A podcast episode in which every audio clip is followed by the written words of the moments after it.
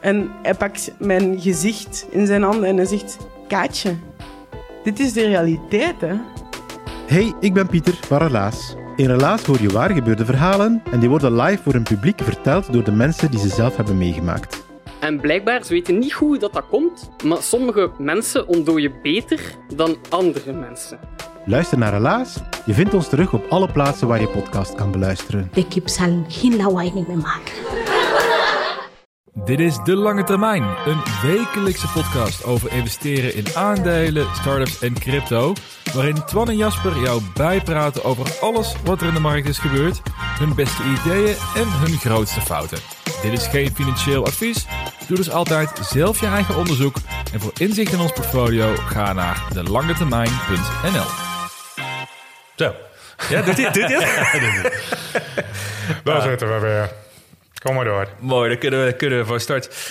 Beste luisteraars, we zijn er weer terug in onze studio met een hele dure videocamera dit keer zelfs. Super duur houdertje er ook onder van een paar euro. en een paar boeken die het eh, moeten zorgen dat de, Ja. de hoogte oké is. Nou ja, we, zitten, we gaan eens kijken met een video erbij. Ik zie zelfs, Twan heeft zelfs je haren geknipt voor deze aflevering. Ja, ik zei net, ik ben tegen een bushokje aangelopen. En dan valt het er allemaal vanaf vanzelf. Nou, zo oud ben je ook weer niet, toch? Dat, eh, Nee. Ik bedoel, ik heb niks te zeggen. Misschien, hè? Dat, dat, eh, Mooi. ik zal zeggen. Hey, welke, welke whisky hebben we vandaag? We hebben een nieuwe. We hebben een Old Pultney. Oh, Single malt weer. Ik, ik had er nog nooit van gehoord. Ik maar heb eh, Old Pultney. ja, Pultney. Pultney. Pultney. Ah. Ik hoop dat die lekker is. Hm, Ik heb geen idee. Het zijn allemaal dingen die ik... eh, allemaal eh, merken en eh, types die ik niet ken. Nee, nou, je had laatst ook de hele batch gekocht met tientallen flessen whisky. Ja. Dat, toch? Hij is wel lekker. Hij is iets minder rokerig dan de vorige varianten. Dit, dit, dit is een whisky. Die is perfect als je daar zo'n earning support aan het kijken bent. Jongen. Als je een document Jij hebt het echt een leuk bent. leven. Ik heb echt een leuk leven. Ik vind het wel leuk.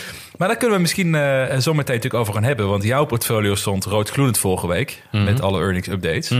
En ehm, volgens mij is hij niet helemaal slecht. Maar wat gaan we allemaal bespreken nog in deze aflevering? Vandaag gaan wij bespreken. Nee, we... Hij is zelfs Belgisch worden, ja? Korte haren, Belgisch. Ehm, nee, we hebben een nieuwe website, of een vernieuwde website. Eh, we hebben besloten om eh, onze krachten te gaan bundelen. Niet alleen met de podcast, maar ook in het geschreven woord. Jazeker. Daar gaan we even wat over hebben. Ehm, ik zag wat geruchten voorbij gaan eh, of voorbij komen over short gaan op banken. Dat dat verboden gaat worden, mogelijk. Ja? Ja, omdat er natuurlijk heel wat aan de hand is bij de banken. Ik heb geen idee. Ik bedoel, volgens mij is er niks. Nee, de laatste week hebben we het al nergens over. Nee, daarom. Dus, Dus, eh, vallen niet in herhaling. Ehm, en ehm, even een persoonlijke eh, ervaring vanmorgen. En ik zie dat ook vaker voorbij komen. Maar ik had het tot nu toe nog nooit zelf ervaren. Of crypto moeilijker wordt in de toekomst om te kopen via je bankrekening. mhm. Omdat heel veel banken er toch best wel moeilijk over doen. En in Nederland zijn er sommige banken die daar heel eh, strikt over zijn. Ehm, dan nog eventjes een eh, mogelijke nieuwe goudstandaard. Ja. Of dat gaat gebeuren. Iedereen zijn gouden Rolex inleveren. We hebben twee luistervragen. En jij hebt nog een mooi onderwerp over thinking in bed. ja, we gaan eh, de mindset van de pokeraar gaan we ontdekken straks. Dus als dat geen feestje wordt, dan weet ik van jou. Dat is, de enige, dat is wel een term die overeenkomt. Ja, nu, nu het zegt.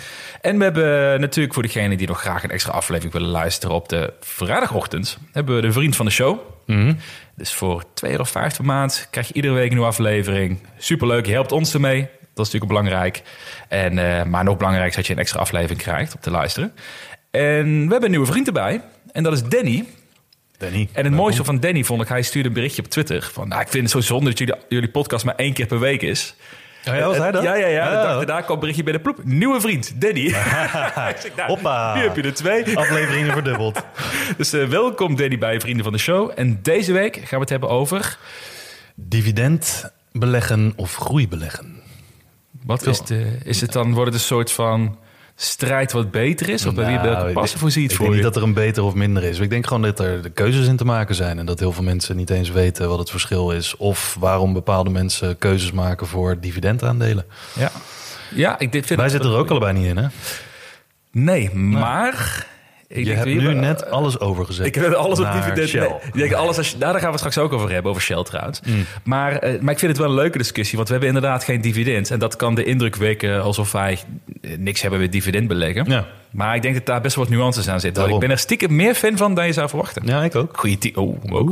Goeie teaser voor de show. Maar laten we beginnen met het eh, portfolio van deze week. Ja, het gaat weer lekker. Jezus. ja, ja, ja. ja. Nee, joh, nee, joh, nee. Oké, even, even wat nuance. Nee, het gaat lekker. Nee, ja, je, ja, ja, je, had drie eh, earnings calls toch afgelopen week. Of drie van de vier aandelen die je bezit. Individuele aandelen. Ja, dus in de afgelopen twee weken waren alle vier de, de aandelen aan de beurt met een earnings call. Waren alle vier eigenlijk eh, prima. Of oké tot prima. Eh, en wat was het? Shopify, Block en Coinbase Ja. vorige week. Ja, die gingen als een mal omhoog. Eh, dus, eh, maar goed, dat zijn beperkte posities in mijn portfolio. De enige die is achtergebleven is Block. Ja. Want die had ook best wel een goede earnings call. Eh, Cash App goed gestegen. Sommige mensen zeiden van ja, Square is afgenomen ten opzichte van vorig kwartaal. En dan denk ik, oké, als je van kwartaal naar kwartaal kijkt en het is Square, hè, die heel veel over retail sales heeft, dan zit je met een, een kerstperiode te vergelijken met een januari tot en met Ja, maartperiode. ja, ja, dat is precies. niet helemaal, dat is een beetje seasonality natuurlijk. Maar eh, ook daar was het jaar op jaar was het eh, was goed resultaat voor Blok, maar dat, die bleef achter. Dus ik heb ehm gisteren of eergisteren, nee dat kan niet, eergisteren, want dat was zondag. Ja. ja. Nou, misschien heb je speciale perks, weet ik niet. Ja, ja, ik heb even iemand gebeld. Nee. heb je nog uh, blokaandelen? Nee, eh, blok bijgekocht. Eh, die, was, eh, die was weer eh, wat gedaald. Dus ehm, daar weer wat voor het lange, voor mijn eh, kernportfolio bijge- bijgelegd. Heb je nog wat gedaan met die drie aandelen die best wel flink zijn gestegen de laatste... eh, je zit nog niet op het punt Nee. dat je ze moet aftoppen eigenlijk. Nee, ik weet niet precies op welke allocatie ze zitten, maar dat vroeg ook iemand vanmiddag op Twitter. Eh, wanneer koop je bij, wanneer schaal je af? Nou, heb ik ook een keer eerder gezegd. Eh, voor alle individuele posities heb ik een wenselijke allocatie van 2,5%. Gaan ze onder de 2% koop ik bij, totdat hij weer op 2,5 staat. Ehm, en eh, zou die verdubbelen, zo'n positie, welke dan ook, individueel gezien, eh, boven de 5%, dan ga ik afschalen. Oké. Ja. Dus dat is gewoon hoe ik het al duidelijk jaren principe, denk ik. Ja, zo Ja. hoe ik het al jaren doe. En daardoor hoef ik mezelf ook niet in eh, allerlei rare bochten te wringen om eh, met allerlei rekenmodules te komen en dat soort dingen. Tot nu toe is het altijd goed gegaan. Heb ik daarmee de bodem gekocht? Nee. Heb ik daarmee de top verkocht? Nee. Waar sta je nu op voor het jaar? Eh 22,6 procent. Oeh, die staan nog steeds eh, boven de 20. Ja. Ja, het blijft ook echt boven de 20 hangen. Ah, nu snap ik waar, die, die, waar je al die whiskies vandaan haalt de laatste weken. Dat, Maar van wat doe ik dat dan? Want ik Wat doe je van? Nee, dat is waar. Misschien dividendaandelen. Hey. Oeh, Misschien heb je ook een dividendportfolio. een er staat. schaduwportfolio. Hey, en, eh, en jouw portfolio? Ja, ja, we staan weer traditioneel in het rood. Ja, ja? Ja, mooi man. Ja, joh, Als je, als je in het rood staat, dan, dan spreek je ook over we. Eh, zei ik we? Ja. We staan weer, We staan weer in het rood. Ja, ik, ik, ja. Doe je het met iemand samen? Nee, was er maar zo'n feest. Hadden Was het eh, gedeelde... Had ik iemand anders de schuld kunnen geven? Nee, ik sta weer netjes eh, min 3,4% voor dit jaar. En het komt dat vorig jaar, vorige week, maar op vrijdag of donderdag geloof ik. Ik weet niet precies wat er aan de hand was, maar de hele beurs ging die dag flink omlaag. Alleen die type aandelen waar ik er weer in zat, met Canoe, Desktop Metal en volgens mij ook Coinbase, nog was de dag voor Ja. de earnings. Ja, die gingen allemaal min 8, min 10 Ja. procent. Ja, en dan ben je met zo'n geconcentreerd portfolio bij het haasje. Dus dat ging meteen van plus 3 procent naar min 6 procent. Ja, was geen best weekje vorige week voor, voor de meerderheid. Nee, nee, klopt. Nee. Ja, en die, nou ja, kijk, ik, vorige week heb ik het natuurlijk over gehad. Toen vertelde jij over hoe de index overeind gehouden worden door die paar Ja. bedrijven. En dan zie je ook weer, ik zat nu te kijken naar de Russell 2000 bijvoorbeeld. Wat, wat, waar kleinere aandelen zitten, waar niet de, de Googles en zo van de wereld in zitten. Ja.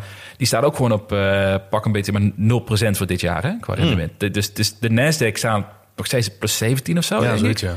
Eh, maar inderdaad, als je gaat kijken naar indexen waar die bedrijven die erin zitten, zie je dat best wel een, eh, niet zo'n fantastisch jaar is in de Nee. breedte. Dus dat viel me op. Dus ik heb een excuus, hè, wat dat betreft. Zo zie ik het maar gewoon. Maar zelf eigenlijk heel weinig, ehm, heel weinig gedaan. Ik denk dat dit de eerste keer is dat ik kansjes zie, maar denk van ik wacht gewoon nog eventjes lekker Ja. af. Wordt steeds geduldiger. Ja, geduldiger. Ja. Ja. ik denk dat dat, het, dat het wel is. Want ik zat erover na te denken van... Voorheen, als ik een, eh, een, een redelijke cashpositie had... zoals ik nu al een paar weekjes heb... dan was het meteen tijd om... Als ik een kans zag, was het gewoon dag daarna gewoon kopen. Een aandeel daalde 8%. Nou, daar koop ik meteen bij, Mhm. Ja. want dat, is een, dat, dat komt Ja, vast wel heel goed uit. ja. Nou, dat doe ik nu dus even niet meer. En, eh, en het punt is ook dat voor mij deze week wordt belangrijk... want ik heb de earnings van eh, de top 4 posities. Die komen... eh, Op dezelfde dag? Nee, trouwens, tot, tot en met de volgende aflevering. Dus de komende woensdag, of gisteren eigenlijk. En volgende week woensdag komen dan de earnings van de top 4 posities. Dus de volgende week kan ik je vertellen hoe mijn portfolio Ja. dan eh, ervoor staat. Hopelijk wat beter gekleurd dan binnen 3,5% En de lange termijn niet heel veel ontwikkelingen. Het Nee. staat in het groen, zie Ja. ik.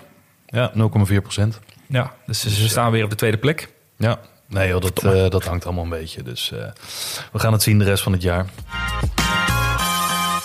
Wat hebben we allemaal te bespreken in de actualiteit? Nou, we hebben een vernieuwde website. Ja. Ja. je zit me aan te kijken van, huh, serieus, welke dan? welke van de acht die ik bijhoud? Nee, eh, we, hebben het, eh, we hebben het er vaker over gehad. We doen de podcast en daarnaast deden we ook nog allebei onze eigen website. We hebben ons eigen Twitter-account. En we willen toch wat meer krachten gaan bundelen. Omdat we eh, nou eenmaal de podcast als een soort anker hebben. Ja. Doen we elke week. Ik merkte dat ik steeds meer aan het bespreken was van mijn gedachtenkronkels, om het zo maar te zeggen, eh, in de podcast. Dus ik schrijf dan iets minder. Eh, en omdat we het over heel veel dezelfde dingen vaak hebben. eh, ik voelde dat een beetje krom dat ik dan op mijn website het over eh, dingen in geschreven woord had. En dan in de podcast nog eens een keertje benadrukte of andersom. Ehm, en omdat we natuurlijk gewoon samen willen bouwen aan iets, aan iets moois. Dus we hebben nu al onze artikelen van de afgelopen jaren allemaal samengevoegd in uh, delangetermijn.nl. Nieuwe cosmetische upgrade gegeven. Het leek heel veel op je vorige website, Ja, maar, het, ja, maar wel maar- een nieuw, nieuw geurtje. Ja, nieuw geurtje. nieuw geurtje. Nieuw geurtje. En, eh, eh, dus, ja, en daar gaan we gewoon met z'n twee alles bij houden. Dus mijn eigen website eh, houdt eind mei op te bestaan. En eh, we gaan al onze efforts in delangetermijn.nl stoppen. Ja, ja. Ik ben heel benieuwd. wat Ja, ik gaat, ook. eh, Ja, ik heb ook wel zin in. eerst, geloof Geeft alweer een nieuwe Ja. frisse wind, moet ik zeggen. Ja, en ik, ik denk ook dat het leuk is om... Kijk, je hebt natuurlijk dingen zoals podcasts zoals deze... kunnen we het hebben over... Kun je iets dieper ingaan op bepaalde stukken... maar we hebben wel gewoon kaders qua hoeveel tijd we natuurlijk willen besteden... Per onderwerp eraan. Maar als we eens uitgebreid willen bespreken... of willen uitgebreid een, een positie bespreken... eh, stel dat jij het heel graag wil laten eh, vertellen... over waarom jij eh, Spotify bijvoorbeeld zo hoog op zitten... ja, dan wil je niet 10 minuten in een podcast... Nee. over één individueel aandeel gaan Nee, bespreken. precies. En nu Ja. heb je wel, hebben we wel de mogelijkheid... om daar iets meer om over uit te wijden. Ja, en je Dus, kan ook leuk. na de, na de podcastaflevering dan iets verder uitweiden over verschillende onderwerpen en daar wat meer over schrijven. Ja. Want ik kreeg toch wel vaak de vraag van mensen die zeiden van ja, hè, iets wat jullie noemden even in een minuut tijdens de podcastaflevering, daar zou ik toch wel meer over willen weten. Ja, hoe doe je dat dan? Ga je er dan een hele podcastaflevering aan wijden of kan je dat gewoon in een artikel zetten? En Ja. eh, dat gaan we dan zo doen. Delangetermijn.nl Ja, en ehm, nou ja, het, het, heel in het kort, ik vind het wel mooi die hele banktoestand natuurlijk, want Ja, ga je het hebben over banken, ja? ja, nee, nee, ik ga het niet hebben over banken in, in die zin. Want eh, het voelt een beetje als herhaling van van alles en nog wat. Maar ehm, er er gaat nu het gerucht, eh, ook op verschillende grote nieuwsites... dat de ja, instanties in Amerika aan het praten zijn... of dat echt zo is, weet je nooit, want daarom is het een gerucht... eh, dat ze dat shortcellen willen gaan bannen op banken. En voornamelijk de regionale banken omdat, ja, dat is alleen maar olie op het vuur. Weet je wel, dat zorgt voor nog meer paniek en nog meer eh, profiteurs en dergelijke. Dus eh, ik weet niet of dat uiteindelijk zo gaat zijn. Of dat het toegestaan gaat worden. Maar iemand die zei tegen mij, toen ik het erover had met, met iemand, die zei... Ja, dat kan toch niet zomaar? Je, dat kunnen ze toch niet zomaar doen? Weet je wel, stel je, stel je wil short gaan. Dat is ook een manier om eh, wat te verdienen... of om de markt gezond te houden en dergelijke.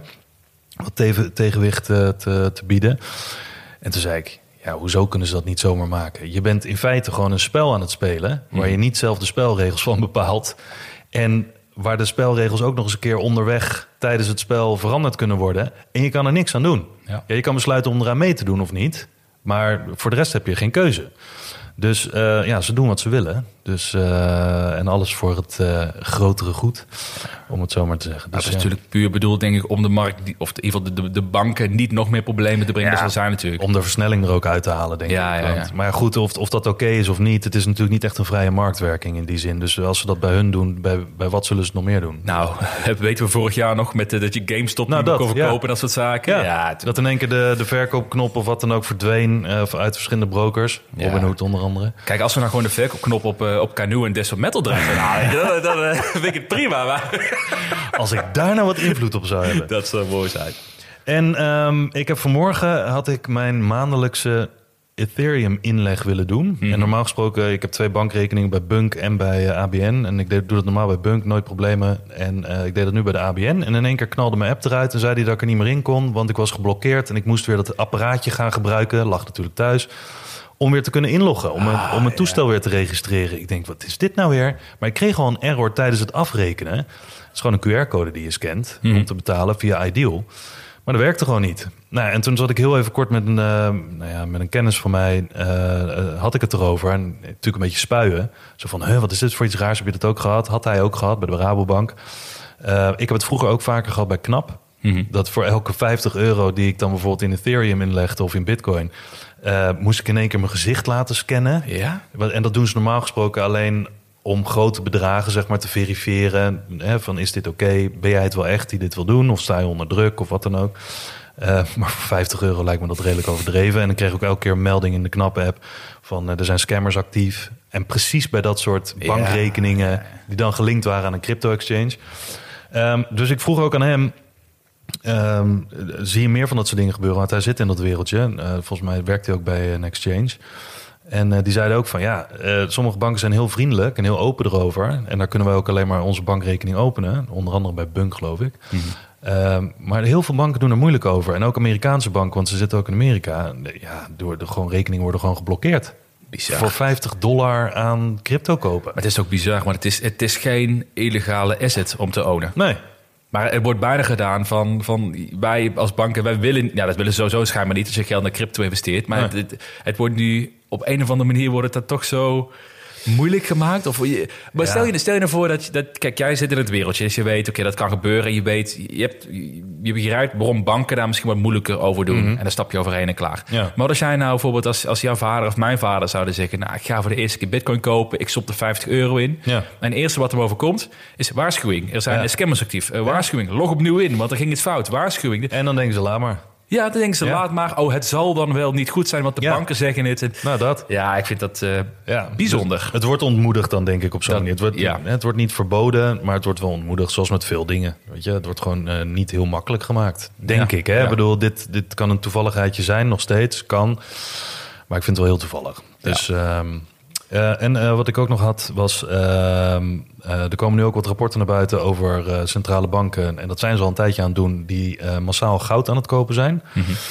Ehm, waarom is dat? Waarom kopen centrale banken goud? Nou, sinds 1971 zijn we van de goudstandaard af. Hè, voor die tijd, met de Bretton Woods afspraak tussen alle landen na de Tweede Wereldoorlog, eh, waren alle valuta gekoppeld aan de dollar. De dollar was gekoppeld aan goud, zodat niemand als een debiel goud kon gaan printen. Of eh, goud, eh, geld kon Goud gaan kon printen. Goud kon printen. Eh, geld kon gaan printen en eh, daarmee een voordeel hebben ten opzichte van andere landen. Ehm, nou ja, nu is, wordt er al heel lang gesproken over gaan we een keer terug naar de goudstandaard, zodat de valuta weer gekoppeld wordt aan goud, zodat het iets van waarde heeft in plaats van eh, fiat, wat eigenlijk betekent door niks gedekt of door vertrouwen.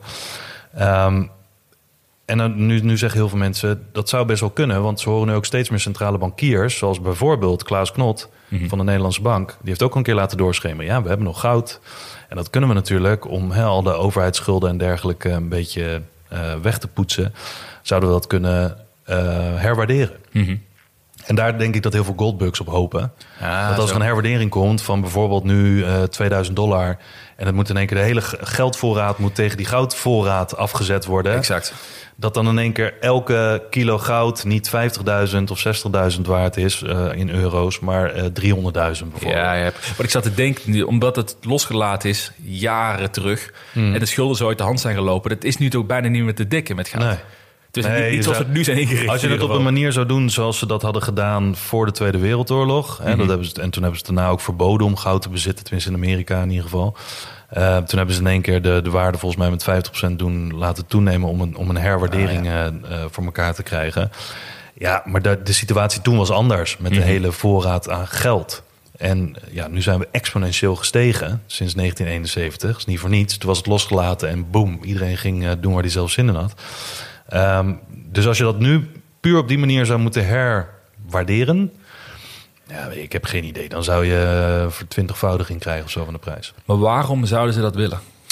Nou, ik, eh, om, dat is een beetje, ja, daar ben ik niet te erg in geschoold om het zo maar te zeggen. Want er zijn heel veel, heel veel theorieën over. Er zijn er mensen die het veel beter kunnen uitleggen dan ik. Maar als iets van waarde eh, ten opzichte van de geldvoorraad eh, gezet moet worden, is dat omdat mensen het vertrouwen in het geld kwijtraken. Ja, dus zoals heel veel mensen nu die zeggen van joh, ze doen maar wat ze willen. Eh, mijn euro wordt elke keer met inflatie en geldontwaarding wordt elke keer minder waard qua koopkracht. Om het vertrouwen weer terug te krijgen, Hè, dat, misschien is het nu niet zo ver, maar misschien komt er een punt waarop mensen zeggen van ja, doei, eh, Mhm. dit zie ik niet meer zitten. Eh, en nu met die bankencrisis is het natuurlijk ook wel een soort vertrouwensissue. Ja, en banken zijn nou eenmaal degene die geldcreatie veroorzaken. Dus eh, om het vertrouwen dan weer terug te krijgen, moet je het koppelen aan iets wat niet zomaar geprint kan worden. Want er moet heel veel energie gestopt worden en heel veel tijd gestopt worden om elke ounce goud te delven. Dat wordt ook steeds moeilijker. Dus eh, ik denk dat dat een beetje de reden is. En ik verwacht ook dat heel veel centrale banken nu goud massaal aan het kopen zijn. Niet alleen nu, maar in de afgelopen tien jaar. Ehm, en ik verwacht dat dat een beetje is omdat ze, als dit zou gaan gebeuren, zo'n herwaardering, wil je natuurlijk niet dat bepaalde landen in je economische blok een centrale bank hebben die geen goud heeft. Want Ja, dan, is dat het, ja, dan is dat land is eigenlijk de pineut. Dus nu zijn ze het een beetje aan het verdelen, denk ik. Zodat iedereen in ieder geval een soort basisvoorraad heeft. Maar goed, dat is ook allemaal speculatie. Niemand weet of dat gaat gebeuren en wanneer het gaat gebeuren. Dus maar eh, ja, ook, ook mede een klein beetje de reden waarom ik in, eh, in goud zit. Ja, waarom je al in bent gegaan naar goud morgen. Ja, waarom een hele tafel thuis van, Vol met goud. van, van goud gemaakt is. Je bent nu gegaan van drie Rolexen naar een gouden tafel. Naar, wie weet over een maand. Alles blinkt bij mij thuis. Je moet een zonnebril op als je binnenkomt. Dus wat is voor jou de conclusie voor, eh, voor de afgelopen week? Nou, de, af- ja, de conclusie is dat er niet zo heel veel gebeurt eigenlijk. Ehm, het zit een beetje in het midden. Dat is een beetje de conclusie. De, de, ik moest ook een beetje op zoek naar eh, actualiteiten en verhalen. En dit zijn niet, niet nieuwe dingen, behalve dat misschien short bannen. Ehm, maar ja, er, gebeurt gewoon niet zo heel veel. Het is een beetje in de wachtkamer nu. En iedereen is gefocust op earnings. Dat is een beetje de, het hoofdonderwerp nu. Iedereen eh, zit echt vol, zoals ik het zie op Twitter, in de analyses over welk aandeel eh, goede earnings heeft, een goede forecast heeft en wat het dan zegt over de economie. Iedereen is nog steeds bezig over de renteverhoging en dergelijke, of dat gaat gebeuren, of dat er rate cuts komen. Dat. Wachtkamer. Wachtkamer. Dat is conclusie. Ja. Dan gaan we door naar de luistervragen. We hebben er weer twee eh, gekregen deze week. Zullen we beginnen met die van, eh, van Frits? Frits, ja. Ja. Zal ik eh, aftrappen dat je Trap daarna hem opvalt? Ehm, Frits vraagt zich af van hoe zien jullie olie als belegging? En hij bedoelt dan over de hele breedte. Dus aandelen, ETF's als grondstof en dergelijke. Ja. Ja, ik vind olie eigenlijk al altijd heel interessant om over te praten. En niet omdat ik daar geen beleg als commodity... want ik denk dat macro-economen en traders daar heel goed op gaan. Ja. Dat het best wel een volatiel eh ding is ook eh, daarin. Maar waarom ik ze interessant vind... als je iemand vraagt, een belegger op straat bijvoorbeeld... wil jij beleggen in olie? 9 van de 10 zegt, gadverdamme, olie, wil ik niks Ja. mee te maken hebben. Eh, dit is een beetje het rijtje van Ja. wapenhandel, tabak en olie. Dat, niemand wil zich daar aan, eh, wil zich daar aan branden. Ik denk dat dat zo'n overtrokken reactie is... Ja, denk ik ook. Want als je kijkt naar waar we olie voor nodig hebben, dan eh, als je het hebt voor brandstof, eh, plastic is essentieel voor textiel hebben we het voor nodig. Ja. Eh, we hebben het nodig voor beautyproducten zit het in. We hebben het nodig voor medische producten. Dus eigenlijk alles om ons heen. Wij kunnen niet zonder olie. Nee. Dus het idee van ik beleg niet in olie en de olie is oud, moet dood, wat dan ook. Dat, dat is zo ondenkbaar om daar, als je dat gaat over gaat nadenken, waar we het allemaal voor, voor nodig hebben.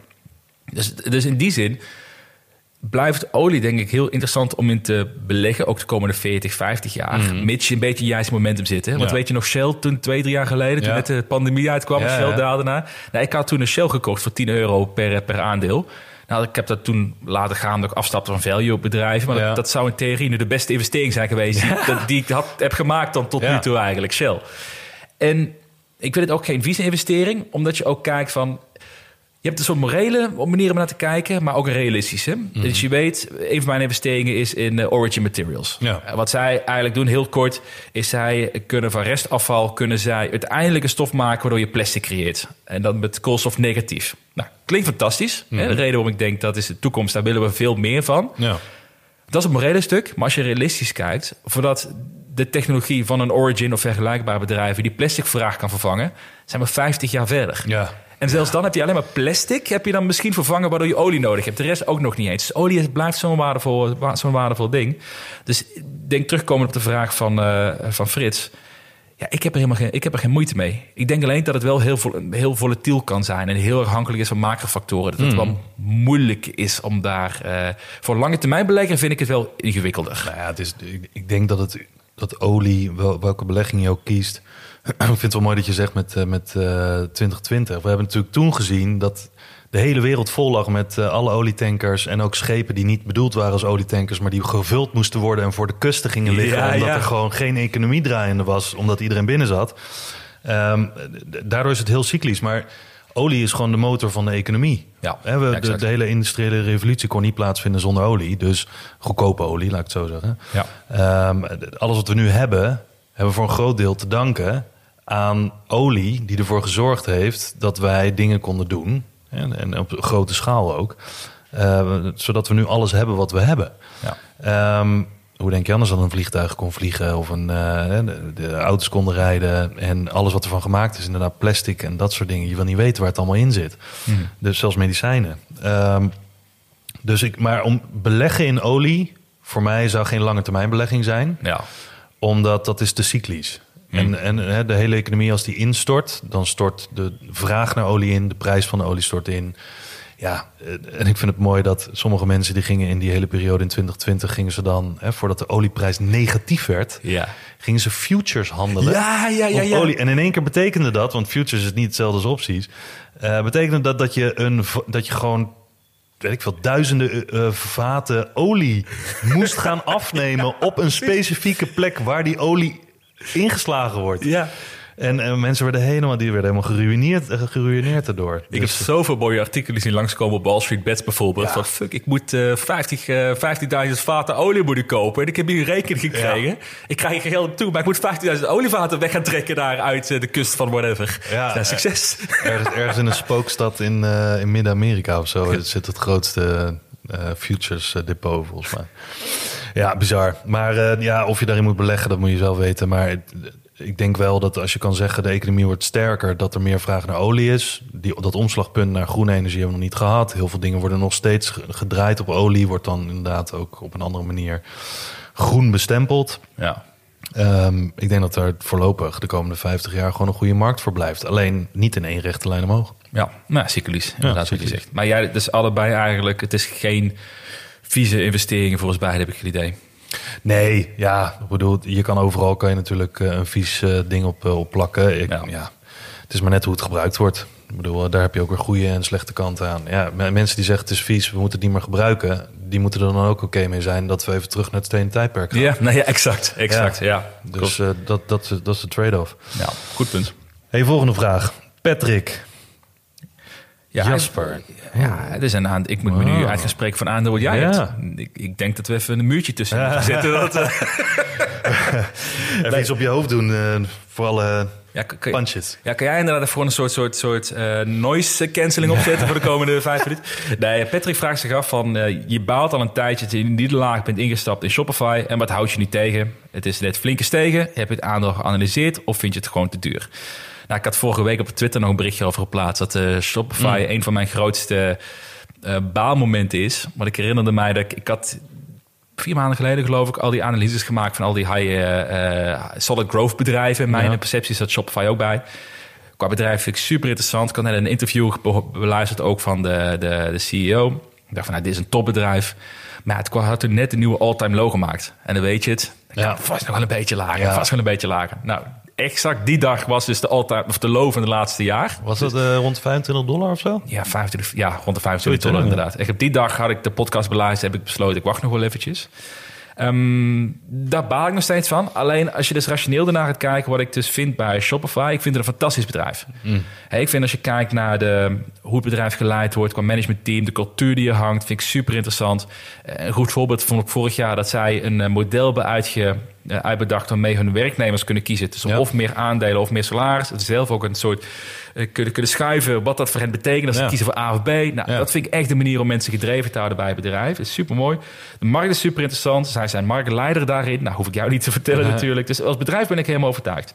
Wat ik lastig vind, en daar zit ik de laatste maanden meer over na te denken. Onder andere die, eh, de Twin Engines principe. Hè? Van dat je het meest optimale, eh, optimale rendement had als de, eh, de groei enorm is. Maar ook de waardering laag Ja. relatief tot de industrie. En daar loop ik een beetje tegenaan met Shopify. Ja. Zeker nu naar die opmars van de Ja. laatste eh, weken, maanden. Ik bedoel, het bedrijf is nu 80 miljard waard. Dat is 13 keer de omzet, zag Mhm. Ik. Vind ik best wel fors. Ja. Eh, negatieve free cashflow, iets waar ik zelf niet heel erg op, op, op richt. En dan, ik probeer nu juist in het proces te zitten waar ik kritischer word over welke bedrijven ik wil, toeslaan, wil happen voor mijn portfolio. En dat zijn juist onderdelen wat, wat ik niet wil hebben in mijn portfolio. Geen free cashflow, hoge waardering. Ja. Dus daar kan ik nu voor Shopify nu niet in, ehm, in portfolio pakken. Ondanks dat ik een supergoed bedrijf vind.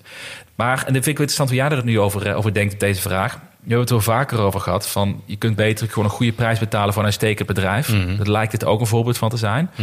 Alleen wanneer wordt het een fair price? En wanneer wordt het een too high price? Ja. Snap wat ik bedoel? Ja. En dat vind ik in dit geval heel lastig om te... Ja, fair value of overvalued. Ja. Ja, hoe, hoe kijk jij er tegenaan? Want het is jouw aandeel ook. Nou ja, ik denk dat mijn, ik denk dat mijn kijk erop een beetje deels gekleurd is. Hè? Ik bedoel, we denken allebei hetzelfde over het bedrijf, denk ik. Dus daar geen verschil in mening van. Maar ik denk dat mijn mening hierover gekleurd is omdat ik op een goed moment ben ingestapt. Mhm. Dus ik heb ook sindsdien nooit meer ingelegd, sinds eind vorig jaar. Ah, ja. Dus eh, heel dit jaar heb ik niks bijgelegd. Ik had mijn positie al.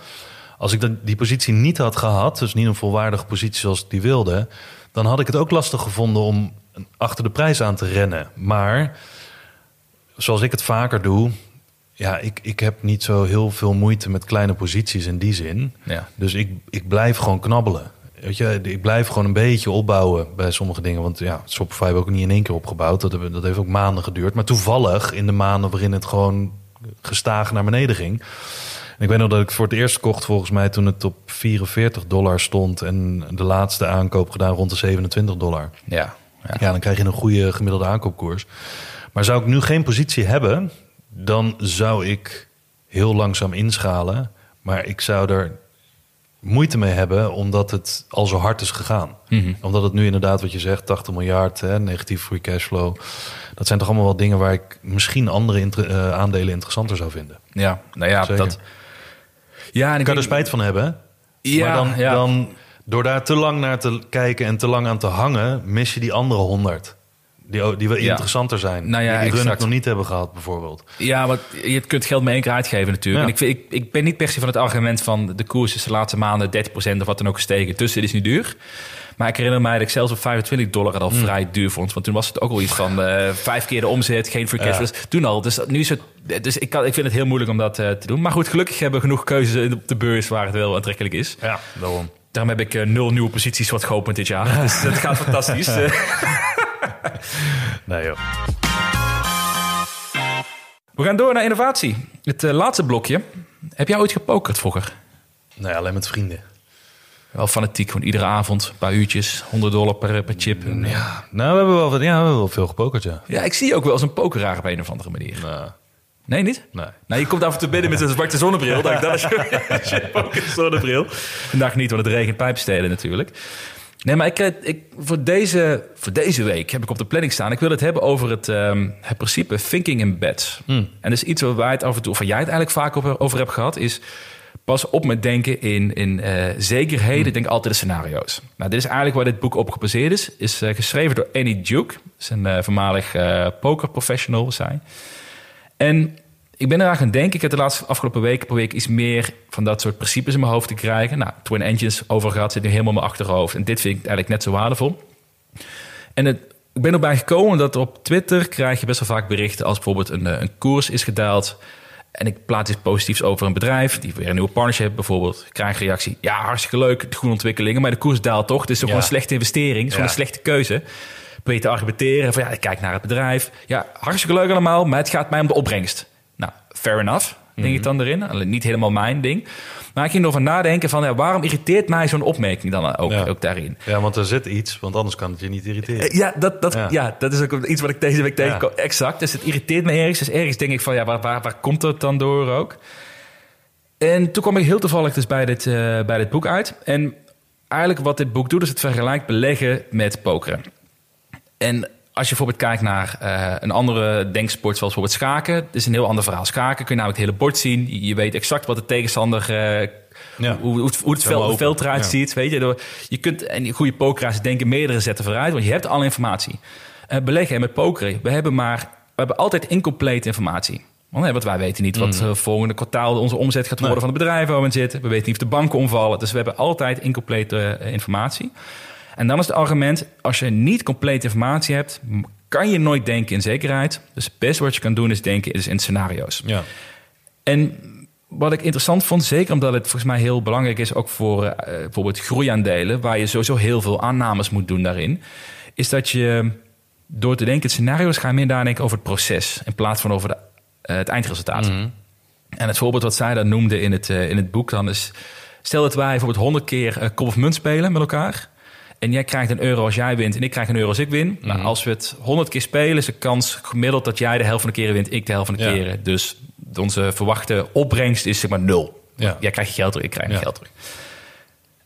Maar als je dat doorrekent naar eh, investeren, daar kun je ook natuurlijk een hele goede denkslag om mee maken. Dus daar zeg je bijvoorbeeld van, als je investeringsbeslissing maakt, denk na over wat is de potentiële winst van, je, van je investering? Hoe ver, hoe ver kan die gaan? Wat is de kans dat je resultaat behaalt? Vind ik een interessante. En hoe hoog, hoe hoog is de opportunity cost? Hoe lang Ja. kan je geld kwijt zijn? Nou, Ja. zeker bij dit soort assets best Ja. wel een dingetje zoals ze gewerkt hebben daarin. En dan kun je gaan doorrekenen van, oké, wat, wat, wat is het een goede beslissing om te investeren in bedrijf A of bedrijf B of, eh, of niet? Nou, om het heel even concreet te maken voor, eh, voor beleggen. Stel nou dat je besluit om 1000 euro te willen investeren in een groeiaandeel. Wat eh, risicovol is. En jij, jij schat in met educated guess dat 50%, laten we het makkelijk maken, 50% van de tijd gaat het bedrijf naar nul. is gewoon klaar na een jaar of twee. En de andere 50%, technisch schaalbaar, wat dan ook, gaat het maal 10. Dat wil de rekensom heel Ja. makkelijk maken natuurlijk. Ja. Hè? Als je dan de keuze hebt om die 1000 euro te investeren, is dat dan wel of niet een goede beslissing, denk je? Als je downside 50% is, Ja, en de upside is 10x. dus, dus 50% waarschijnlijkheid dat het naar 0 gaat en 50% dat het maal 10 gaat. Ja, Eh, dat vind ik lastig om te zeggen, zo op, want dat hangt van je risicoprofiel af en nou ja, wat voor waarschijnlijkheid. 50-50 vind ik nooit zo'n hele aantrekkelijke eh bet, om het zo Ja. te zeggen. Maar daar heb je vast een antwoord op dat het wel goed is. ja nou, ik ik moet je wel betrekken bij het gesprek natuurlijk ook. nee, nee, maar ik vind de opmerking wat je maakt vind ik een hele goeie. Want ik denk dat heel veel mensen zo denken van... poeh, 50% kans dat ik mijn geld verlies. Ik, ik, dat, dat vind ik best wel risicovol. Ik weet niet of ik dat wil, wil dragen. Als je naar het denken als een pokeraar... dan gaan ze uitrekenen... wat is de expected value, het verwachte resultaat van die bet. Nou, als je dat gaat doorrekenen... 50% kans dat je naar nul gaat. Dus 0 euro hou je over. Dat is scenario 1. Scenario 2 is dat je 10.000 euro erover houdt. Hè, die Ja. 10x wat ik zei. Ja. 50% kans. Nou, 50% daarvan is 5000 euro. Dat betekent dat je, je hebt 0 euro scenario 1, of 0 euro wat je overhoudt scenario 1, 5000 euro wat je overhoudt scenario 2. Are you with me? Heb ja, je nog? Ja, ja, ja. ja. Dus totale expected value op 1000 euro investeren is 5000 euro. Ja. Als je die bet 1000 keer zou doen. ja. Super interessant. ja. Want gemiddeld genomen ga je 5x je geld terugkrijgen. Nou, tot zover met de, de, de, de idee daarachter. En wat volgens mij heel veel mensen lastig vinden, dat is waarom ik hierover ging nadenken. Ik denk dat heel veel mensen kijken altijd naar de uitkomst allereerst. En dan denken ze van, ik heb die bet gedaan, het, het aandeel is naar nul gegaan, het was een slechte keuze, domme fout, ik had het nooit moeten doen. Ja. Terwijl als je, als je dat... En de tweede keer gebeurt misschien hetzelfde, weer naar nul. Dan denk je, fuck, ik doe het nu alweer. Weer nul euro, weer allemaal geld kwijt. Dan voelt het als gokken. Het voelt als gokken inderdaad erin. En het is natuurlijk ook... Nou, gokken, dat is kans berekenen Ja, in kans die berekenen, ja, ja. Dus het is in die zekere zin is het ook, ook speculeren, gokken, als je het Ja. zo plat slaat ook. Alleen als je, het, als je dus goed berekend hebt, dus dat inderdaad de kans 50% is dat je 10x doet en 50% dat je naar nul gaat. Op termijn, als je het vaak genoeg doet, ga je er winstgevend uitkomen. Want Ja. dat is gewoon hoe de, hoe de, de, de kansen zijn Ja. zich verhouden. Ja. Wat ik interessant vond in deze is niet per se dan erin te praten van je moet gaan voor grote bets. Maar meer dat zij zegt van als je op die manier gaat denken, dan ga je veel meer nadenken over het proces. Dan ga je denken, oké, maar hoe bepaal ik dat 5% eh, kans is dat het kapot gaat? Ja. Hoe bepaal ik dat het 5% kans dat die 10x gaat? Ja. Waarom 10x? Waarom niet 8x? Waarom Ja. niet eh 2x? Waarom... Hè? En als je gaat nadenken over dat proces, ga je zelf ook veel beter nadenken over wat is nou de waarde, waarom ik, waar ik de bedrijven in de komende jaren heen zie gaan. En dan word je veel betere belegger op die manier. In plaats van ik kies A, resultaat is B, fuck, ik heb een fout gemaakt. Ja. En als je dan ook eens een keer gaat opschrijven waarom je dan achteraf dacht, wat jij vaak doet ook, hè, met, je, met, je, met, je, met het- je, je dagboek daarin, Ja. Is ehm, waarom dacht ik dat het bedrijf die niks zou gaan? Waarom is dat niet uitgekomen? Leer je ook heel veel meer van dan dat je alleen maar kijkt, ik heb A ingezet, ik heb eh, geld verloren, ik heb het verkocht, ik ben er klaar mee, ik stom Ja. gedaan.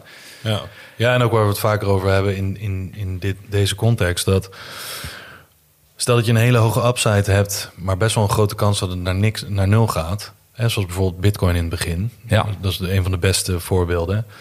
Moeilijk te doorgronden, eh, maar kan wel maal, hè, nou ja, vroeger dan, maar nu zou het ook normaal 10 kunnen, bij wijze van spreken. Maar de kans is dat je alles kwijtraakt. En hoe hoog is dan die kans? Nou, de waarschijnlijkheid dat het naar nul gaat is nu kleiner dan acht jaar geleden. Mhm. Maar de upside potential is kleiner dan acht jaar geleden. Dus die wisselwerking pak je dan met elkaar mee. Ja. Ehm, dan nog steeds denk ik dat er een verschil is tussen mensen die zeggen: ik ga hier van de 20.000 die ik heb, ga ik hier 10.000 opzetten op deze upside potential. Want Mhm. die zien zo'n asymmetrische, eh, eh, asymmetrisch potentieel. Dat ze zeggen: ah man, als ik hier 10.000 instop, dat is de helft van mijn geld, dan ben ik straks klaar. Weet je wel, als het, als het uitkomt zoals ik denk dat het uitkomt. Ja. Maar dat is juist hetgene waar, waar de meeste mensen de fout mee ingaan, denk ik. Want juist doordat je zo'n enorm potentieel hebt om te groeien, met nog best wel een relatief hoge kans dat het ook naar nul gaat. Ook al is dat niet 100% en het is ook niet nul, het zit ergens tussenin. Dan hoef je helemaal niet zoveel in te leggen. Ja, Want zo. zoals jij zegt, hoe vaker je iets doet in verschillende dingen, en in dit geval met beleggen, investeren, speculeren, je kan, je kan niet 10 keer 10.000 euro inleggen om dit te doen. Want in dit geval heeft die persoon maar 10.000 van de 20.000. Dus hij kan het nog maximaal één keer doen. Ja. En dan is het echt Ja. gokken. Ja. Want dan ben je het in één keer kwijt. Nou, dan heb je nog 10.000 over. Ga je dan in dezelfde type risk-reward zitten? Ik denk dat mensen dan voorzichtiger worden. Ja, en dan snijden ze het zelf in de vingers. Terwijl als ze van die 20.000 duizend zouden doen...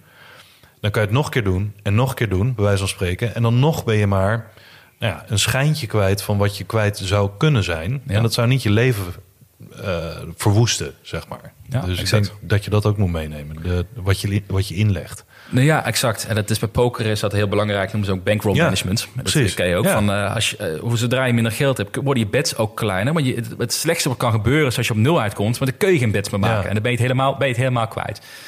Dus ja, dat is, dat is een, een, een goede aanvulling. En, ehm, maar het, het voor mij, mijn conclusie zeg maar, voor het, waarom ik dit, dit zo interessant vond... is dat het mij nog meer laat nadenken over het eh, denken scenario's van een aandeel kan naar nul gaan. Dat betekent niet dat meteen de beslissing fout was. Maar het kan zijn dat er misschien iets fout ging in het proces. Of misschien Ja. in het proces goed, maar heb je gewoon ongeluk gehad. Het is altijd een combinatie van kennis en geluk. Ja. En dan vertelt ze ook veel grappig. Ze zegt van als het goed gaat is het kennis. En als het ongeluk gaat, ja, Ja. ik heb ongeluk gehad. dat is typisch mensen Of het lag aan iemand anders. Het lag aan iemand anders, dat is Ja. ook nog eens een keer het geval. Ehm, maar dat laat me denk ik veel beter nadenken over welke keuzes maak je, welke risico's en hoe ga ik mezelf daarvoor eh, eh, rationeel bekijken wat de upside en downside is. Ik vind een hele mooie, eh, dus als conclusie van iedere keer, ze zegt ook als je dus een zo'n beslissing hebt gemaakt, schrijf op waarom je het gedaan hebt. En na afloop, als het resultaat bekend is, schrijf op welke twee fouten je hebt gemaakt. Ja. Niet op basis van het resultaat, maar in het proces. Ja. Daar leer je ook ervan, anders nou, blijf je niks leren. Ik denk heel belangrijk, maak het proces om bedrijven te waarderen voor de toekomstpotentie. Niet gokken van pff, 50%, 10x, whatever, het zal wel. Weet je Maar dat? maar dat is het moeilijkste, denk ik. Dat is het moeilijkste. Maar ik denk dat je redelijk makkelijke manieren hebt. Door bijvoorbeeld met discounted cashflow kun je dat verwerken. Want je hebt op bijvoorbeeld eh, finbox.com kun je, kun je naar je aandeel gaan. Kun je zelf invullen hoeveel omzet je verwacht. En rekent dit voor je uit. Finbox? Finbox.com. Finbox.com. Ja, die is, eh, dat is echt een hele, hele fijne eh, tool daarvoor. Ken ik helemaal niet, joh. Ja, dat is echt een aanrader. Ja. Dat, daar kun je een beetje berekenen. Als dat al uitkomt, wat is dan de fair value van je aandeel? Dat is wel tof. Eh, of nog makkelijker, je kijkt hoeveel de industrie betaalt voor omzet. En dat was je toekomstpotentie. Wat is dan ongeveer de waardering? Nou, je kunt het zelf moeilijk maken, maar dat is wel het, makkelijkste stuk. En afsluitend dat je je mentaal voorbereidt. Dat je beslissing kan maken. Dat de beslissing goed kan zijn, maar dat je alsnog je geld verliest. Ja. Shit happens. Kennis en geluk is altijd een factor. Maar dat, ik denk dat dit nog steeds veel beter is dan denken van... eh, fuck, ik heb, eh, mijn aandeel was naar nul gegaan. Ik heb een fout gemaakt. Ik doe dat nooit meer in mijn leven. Terwijl je proces goed is geweest. En dat zie je veel mensen ook doen. Die hebben geld verloren. Of die zijn geld verloren. ja, ja. Ze zijn gestopt met beleggen. En voordat ze weer beginnen, is het vijf, zes, zeven jaar later. Want die hebben zo'n klap opgelo- op, eh, opgelopen. Maar ook omdat ze, denk ik, het gevoel hebben... ik ben het verloren doordat ik zelf dom ben geweest. Omdat ik toch heb gegokt. Terwijl iedereen zei om me heen, je moet niet gokken. Ja, ja. Stel je voor nu dat, dat jij die persoon bent die in februari 2020 is begonnen met beleggen. Mhm. Je hebt het super secuur gedaan. Je hebt eh 90% van je geld heb je in de S&P gestopt, 10% in de AEX. Eigenlijk perfect, Ja. hè, in die zin. Maar ja, hè, de maand na kwam de, kwam de pandemie, eh, de aandeelportfolio ging 30% eronder. Je stopt ermee wat jij zegt. Je denkt, ja, ik heb een fout gemaakt. Ik had nooit moeten beginnen met beleggen. Dat is denk ik een perfect voorbeeld Ja. van je goed proces. Resultaat zit even tegen en daardoor laat je alles liggen. En dat is zo, eh, zo zonde. Eén ding nog. Ja. Ik denk dat in dat proces dat het grootste risico wat je loopt voor jezelf is precies wat jij zegt. Eh, maar dan met een andere afloop. Als je wel succesvol bent. Nee, je bent, in, je bent in februari begonnen. Je hebt de schrik van je leven gehad dat in één keer de boel ingestort is. Mhm. Vervolgens is het toch snel goed gekomen, want je hebt niet heel lang pijn gehad. Het is snel goed gekomen. Ook al heb je niet bijgelegd in maart of april in 2020. Het is toch goed gekomen. Maar je wordt steeds zekerder. Hmm. Want je denkt, ik heb een crash achter de rug. En dit, was, dit voelde als heem, ja, voelde even als niks, niks, ja. maar was niks. En wat je dan doet, dan ga je meer tail risk nemen. Hmm. Namelijk, je proces wordt niet beter, je kennis wordt ook niet veel beter, maar je gaat steeds meer risico nemen omdat je je steeds onoverwinnelijk, onoverwinnelijker voelt. Net zoals bij pokeren, als jij meer handen wint, terwijl je eigenlijk niet echt het idee hebt van dit is een strategie die ik erop nahoud, maar gewoon dat je denkt van ah, kijk, ik zit tegen onwijs slechte spelers. En ik ben gewoon beter dan dat zij zijn. Terwijl je gewoon misschien meer geluk hebt op dat moment. Dan neem je steeds meer risico's. En je, je stack groeit. En je schuift steeds meer naar voren. In plaats van dat je eigenlijk eventjes terug zou moeten gaan naar de basis. Ja. En ik denk dat dat veel beleggers, specu- speculeerders maakt. Omdat ze zich onoverwinnelijk voelen. Ja. En dan gaan ze de fouten maken. Die ze na twee jaar in één keer zo'n klap op hun bek geven. Dat ze dan zeggen. Ja, oké, in het begin was het leuk, maar daar verdiende ik niet genoeg aan. Nu ben ik meer gaan verdienen. Was een tijdje, was het super succesvol. Ik heb een paar domme fouten gemaakt. Ik weet eigenlijk niet eens wat ik gedaan heb. Dit valt niet meer te herhalen, die succesjes. Ik heb het geprobeerd. Klap op mijn bek. Ik kap ermee. Ja, ja, maar dat is weer een voorbeeld van iemand die zich dan richt op de, de uitkomst. Ja. In plaats van het Nou, proces. ja, precies. Ja. En dit is een heel goed voorbeeld hoe je dat inderdaad kan doorslaan naar. En dan op die manier mensen weer in de problemen komen. Ja, het Ja. is grappig hoe dat beide kanten op werkt. Hebben we nog eh, afsluitende woorden van deze podcast? Wees geen speculant. Daar ga ik niks over zeggen met mijn portfolio. Speculeren is prima, als je maar de risico's weet. Ja, nou ja, dat. En dus speculeren met mate. En, eh, wat heb je nog meer gedaan? Nou, Laten we het daar vooral niet te lang- Speculeren met je maten. Speculeren met je maten. Hey, we gaan verder met de vrienden van de show aflevering. Ja. Dividend beleggen versus groeibeleggen. Wordt een hele leuke aflevering, denk ik. Maar voor nu, we gaan hem hier eh, afsluiten. Dankjewel allemaal voor het luisteren. En eh, tot, Tot de volgende week.